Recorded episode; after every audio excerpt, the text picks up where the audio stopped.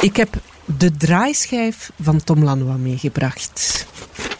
Prachtig geschreven oorlogsroman. Het gaat over de broers de Smet.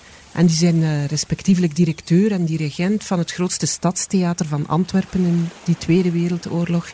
En meteen gaat het ook over dat kluwen van collaboratie in die tijd. Met Lanois heb ik een iets wat haat-liefde verhouding.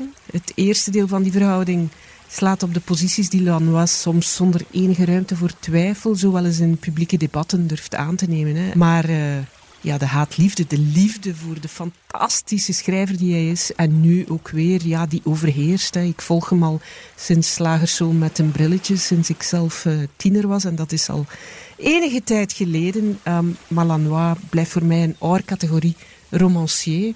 En meer nog, hij wordt beter met de jaren. En dit laatste boek, uh, De Draaischijf, dat is voor mij ook wel een beetje het hoogtepunt van Lanois' oeuvre. De eerste zin van de draaischijf is... Ik had me de dag waarop ik word begraven heel anders voorgesteld. Geef toe, nu wil je wel verder lezen.